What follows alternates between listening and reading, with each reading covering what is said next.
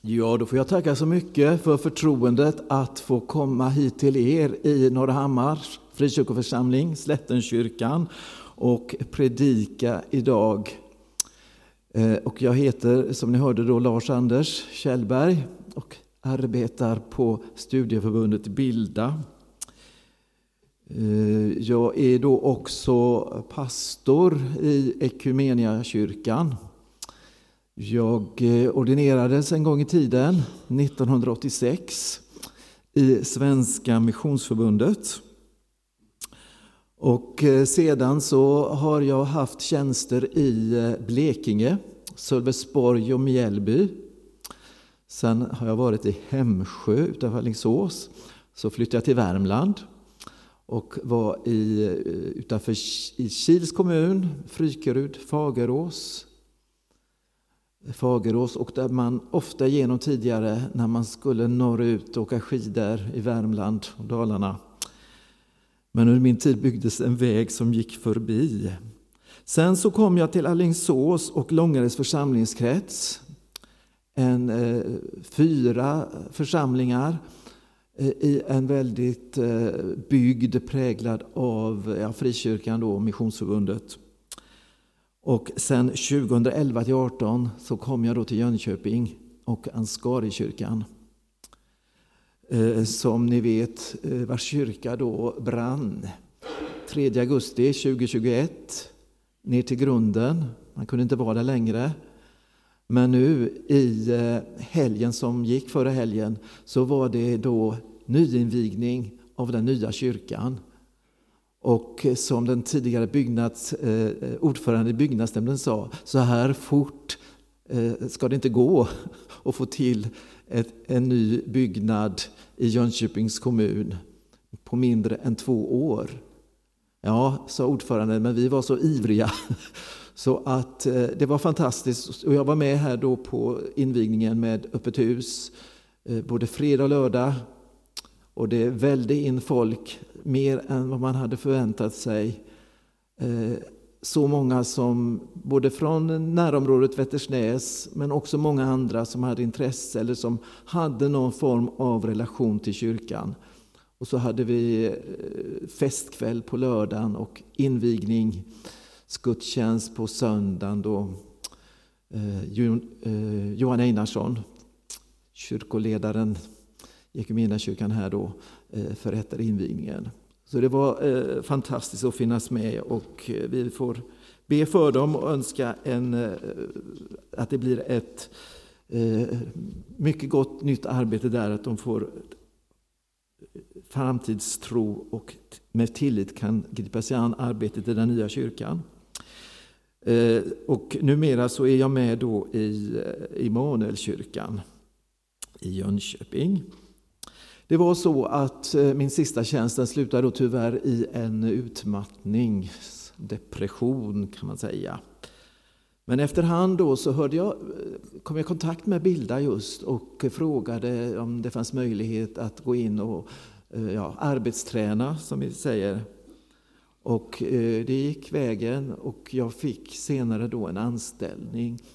Så nu är jag då verksamhetsutvecklare på Bilda Sydöst eh, sen sedan några år och eh, som jag trivs bra i. Och jag är då inom det som vi kallar BKF, alltså Bildning och kultur frikyrka. Och då träffar jag församlingar och sampra, sam, samtalar med dem om vad vi då kan samverka kring vad gäller studier och kultur. Och jag har väldigt många då församlingar här i Jönköpings kommun så det ju, känns ju bra att man har nära till sina församlingar. Jag har västerut från Jönköpings eh, centrum, då, Allianskyrkan, Korskyrkan, Emanuelskyrkan och sen ut mot Bankeryd och Bottnaryd och här upp genom Hovslätt, Norrahammar, Taberg, Månsarp, bort mot Tenhult. Så det är en 30-35 plus då en del eh, RPG-föreningar. Eh, Eh, så, och jag finns också då som er kontaktperson här i Slättenkyrkan, så ni vet det. Men idag så är jag då här för att predika. Och eh, dagens evangelietext är från Johannes 17, 9 17. Och som vi hörde, eh, temat är att växa i tro. Jesus sa, jag ber för dem. Jag ber inte för världen, utan för dem som du har gett mig, eftersom de är dina. Allt mitt är ditt och allt ditt är mitt, och jag har förhärligats genom dem. Jag är inte längre kvar i världen, men de är kvar i världen, och jag kommer till dig. Helige Fader, bevara dem i ditt namn, det som du har gett mig, så att de blir ett, liksom vi är ett. Medan jag var hos dem bevarade jag dem i ditt namn som du har gett mig, och jag skyddade dem, och ingen av dem gick under utom undergångens man, ty skriften skulle uppfyllas. Nu kommer jag till dig, men detta säger jag medan jag är i världen, för att de ska få min glädje helt och fullt. Jag har gett dem ditt ord, och världen har hatat dem därför att de inte tillhör världen, liksom inte heller jag tillhör världen. Jag ber inte att du ska ta dem ut ur världen, utan att du ska bevara dem för det onda. De tillhör inte världen, liksom inte heller jag tillhör världen. Helga dem genom sanningen. Ditt ord är sanning.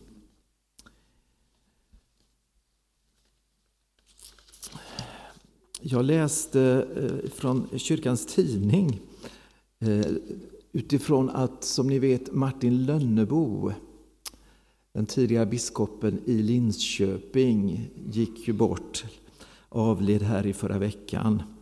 Och då skriver Samuel Rubensson så här. Biskop Martin Lönnebo har lämnat oss. Efter sig lämnar han inte främst ett tomrum. Tvärtom lämnar han åt oss en katedral fylld av levande ljus, av konst och toner, av liv och rörelse, en oändlig katedral med många rum, med plats för meditation och andlig vägledning, för vandring och stillhet. Inte många av oss ges nåden att bära så mycket frukt. Inte många delar så generöst med sig av den frukt de får bära. Han gick alltså bort då 93 år gammal. Och då tänkte jag när jag läste det här också och när det skulle handla om att växa i tro, att eh, så fick hans liv vara och bli, att få växa i tro. Hans liv mognade, bar frukt. Och hans verk kommer fortsätta då bli till välsignelse. Han har ju skrivit väldigt många böcker och texter det var ju han som eh, var initiativtagare till det här frälsarkransen. Ett sätt att närma sig, att, att be på ett annat sätt med de här olika pärlorna eh, som många har eh, tagit till sig. Och likaså var han också en initiativtagare till det här med att ha ljusbärare i våra kyrkor. Redan då 1968 när Kyrkornas världsråd hade sin, sitt eh, stora möte i eh, Uppsala så såg han till att det kom ett stort ljusträd till, i domkyrkan där. Så vi har mycket att vara glada och tacksamma för vad han har gjort. Växa i tro. Och jag känner, eller den här predikan blir mer eh, tematisk så att säga vad det innebär att växa i tro, en, en textutläggning. Växt och tillväxt, det är ju en vanlig bild eh, i Bibelns värld, också i när vi talar om den kristna tron och även om vi talar om församlingens liv. Jesus använder det ofta, det märker vi eh, när vi läser eh, Bibeln. Han hade det i sin undervisning, i sina liknelser. Jag tänker på liknelsen om senapskornet, liknelsen om sådden, de fyra Eh, var utsädet hamnar på fyra olika platser. Om vetekornet som måste dö för att bära frukt. Skörden som är mogen. Och jag såg ju här nu också, som jag ser rakt fram här, att det finns med här i ert motto, man kallar det Slättenkyrkan, en gemenskap för hela livet där du och jag formas av Jesus och tillsammans vågar växa vidare. Så det, vi talar både om den enskilda trons växt, men vi vill också växa som församling. Och tanken är att det kristna livet, tron, eh, ska inte, stå, ska inte vara stillastående, ska inte stagnera, utan tron, det är någonting som ska vara i rörelse, vara i ett växande. Och då kan man ju efter det påståendet tänka, vara lite rannsakande mot sig själv och tänka, men hur, hur står det till med min tro? Växer min tro? Eh, och till och med tänka så här, har, hur har, har min tro växt liksom, den sista tiden, det sista året?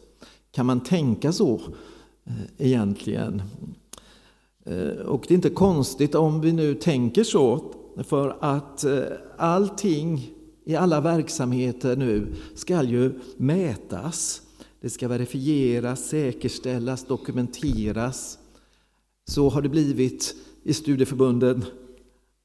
Det ska finnas dokumentation på allt. Så att eh, om det finns ett papper på det, då är det bra. va? Och de här tankegångarna eh, kan ju också sippra in i församlingens verksamhet.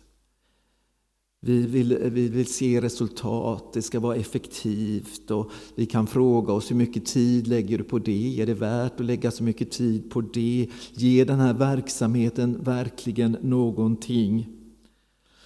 Och,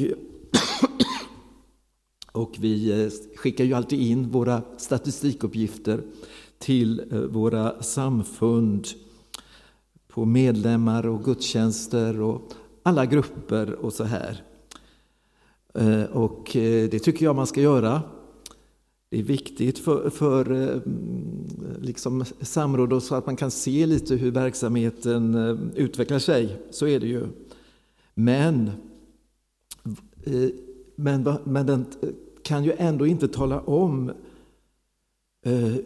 det inre livet, det andliga livet. Siffrorna eh, säger bara lite om liksom den inre växten i vår tro. Tron går inte att mäta på det viset eller sätta betyg på. Men vi känner ju spontant att det är något viktigt med det här. Att vi får vara växande, att vår tro växer till, att vi inte stannar upp och att vi vill gärna kunna se eh, en förändring över tid.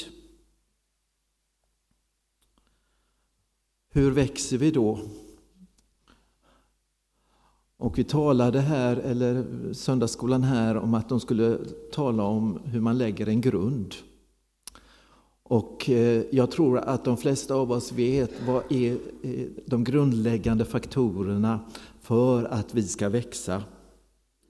Och jag tänker i min ungdom eh, på 70-talet så, där, så tyckte jag att man ofta talade om detta eh, när man var på läger och annat, ungdomssamlingar. Vikten av läsa Bibeln varje dag. Vikten av att be, alltså ha en egen personlig andakt. Vikten av församlingsgemenskapen.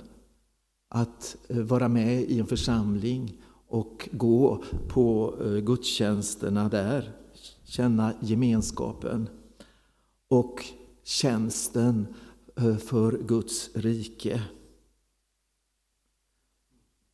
Och Det tror jag är en väldigt bra grund och jag tänkte att utveckla det något då.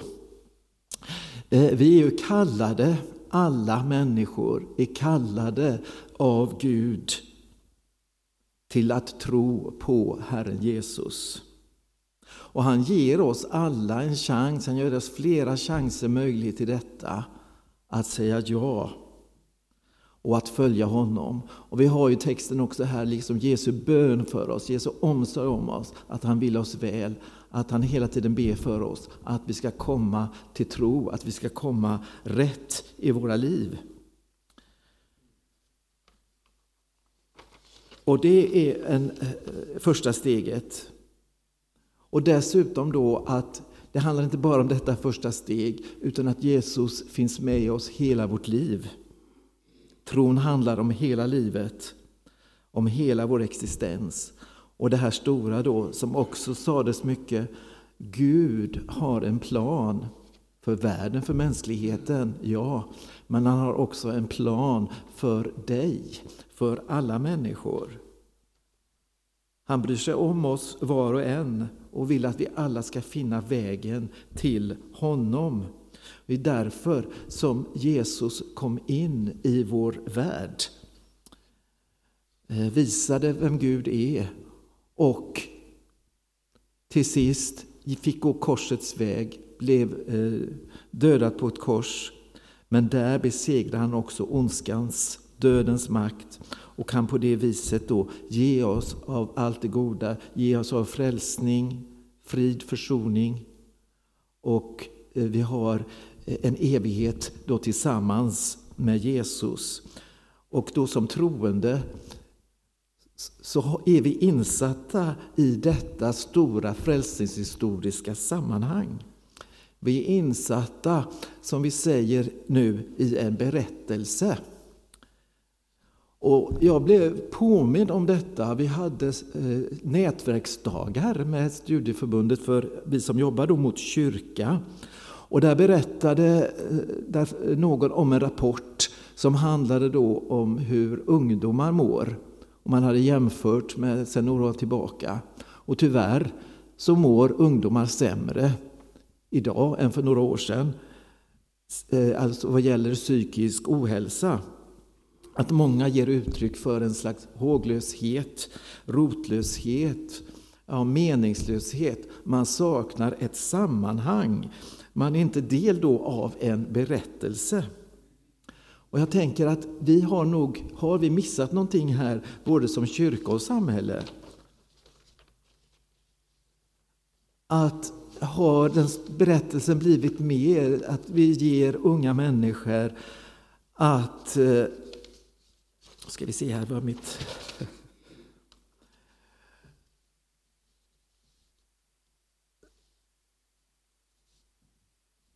Eh, att det här, vi kanske tänker mer på det här att det är viktigt att du utbildar dig, får ett jobb, att, att du tar hand om dig och din familj, att du har en hobby, att du betalar skatt. liksom. Men det är ju något mer det handlar om. För att vara, eh, man behöver ett sammanhang i livet. Det är inte bara vad du gör, utan det är vad du gör i ett större sammanhang som är det viktiga. Och då var det ju så, som jag inte har tänkt på, just det här hur det betonades det här som jag sa, att Gud har en plan för dig. Det sades ofta, för dig och ditt liv. Du därför behöver du komma till tro, för Gud har en plan till dig. Vad du ska göra med ditt liv, vem du, eh, vilka du ska leva med, vad du ska utbilda dig till, var du ska bo, vad du, hur du lever ditt liv för Jesus så att du kan vara ett vittne för honom hela ditt liv. Hur du kan tala om tron för andra genom ditt liv. Och dessutom så var man ju inte främmande för att det kan bli motgångar, du kan få lida för din tro. Men du har löftet att Jesus går med dig, att vi går tillsammans. Eh, vi, vi har en himmel som väntar. Och jag tänkte, ja, har denna bilden bleknat? Ja, delvis tror jag faktiskt att det är så. Att eh, tron har blivit väldigt individualiserad. Den handlar väldigt mycket om eh, min tro, så att säga. Vad jag känner, uppfattar och upplever. Att jag ska känna trygghet och tröst att tron ska hjälpa mig att må bättre. Eh, och det, det blir, kan bli ett fel fokus, liksom att det blir ett sätt att, ja du kan tro, men du kan lika gärna eh, utöva yoga eller mindfulness. Att tron blir väldigt eh, avgränsad. Och så är ju inte tanken. Utan tron är, som vi pratade om, något man gör gemensamt. Det handlar om ett, det större sammanhanget. Jag är insatt i det frälsningshistoriska skeendet. Det handlar inte bara om att jag ska må bra. Så utifrån detta då så har vi då eh, de här nycklarna som jag nämnde. Bibeln, bönen, gemenskapen och eh, tjänsten. Eh, och Bibeln, det vet den är viktig att vi läser den också personligt, liksom i vår egen ensamhet eller lyssna på appar. Det finns ju med den möjligheten också. Och att det skapar ju också då att då ger också predikar och undervisning mer när jag har den här referensen, att jag har läst. Jag kan mer ta till mig då vad som händer i, i gudstjänsten. Och det är viktigt också att finnas med i en mindre grupp där man kan samtala och reflektera det man läser och undrar över. Nära Bibeln och läsningen av den är ju också bönen då. Och Jesus har ju givit oss, lärt lärjungarna att be. Och som troende så får vi ju vara med Jesus, umgås med honom, samtala med honom. Och i bönen så är det också på ett sätt vi får utforska vem Gud är, vem Jesus är, vem den heliga Ande är. Och ju mer vi är i bön, desto mer rustade blir vi och känner, tror jag, en slags tillförsikt. Vi får en styrka att, att möta allt som ja, vi möter i våra liv. Och jag har känt, och det tror jag många med mig, sista tiden, att mycket i vår värld är i gungning är mycket som gör oss oroliga och undrande. Vad kommer, hur kommer det att bli? Eh, vi kan faktiskt känna missmod och känna oss lite mm, nere över många saker. Jag tänker på för ett år sedan då när Ryssland eh, invaderade Ukraina och eh, startade ett krig. Det skakade ju om oss och hela vår eh, världsuppfattning kan man säga. Krig i Europa, i vårt närområde. Är det inte fred längre det handlar om? Ska vi inte vara goda grannar längre? Och, och det här att det blev sånt fokus på militär upprustning, är det enda vägen nu? Och vi har rapporterna här om skapelsen, om naturen. Vi uppskattar ju så nu att det håller på att bli vår igen och grönska. Men samtidigt så hör vi ju den ena rapporten efter den andra att eh, vår skapelse eh, våndas, mår inte bra. Det är en kris. Och så fort man ser nu tv-program, naturprogram så hur vackra bilder de än visar så säger de ju, ja, den här fågelarten är hotad. De här djuren har minskat i antal. Eh, djurarter försvinner och isar smälter som gör då att eh, många önationer håller på att eh, försvinna under vatten. Och det här kan man ju bli missmodig för och undra hur ska det bli? Och man kan tycka varför gör inte politikerna mer? Och det kan vara så att vi behöver göra uppoffringar för att vår värld ska bestå för kommande generationer.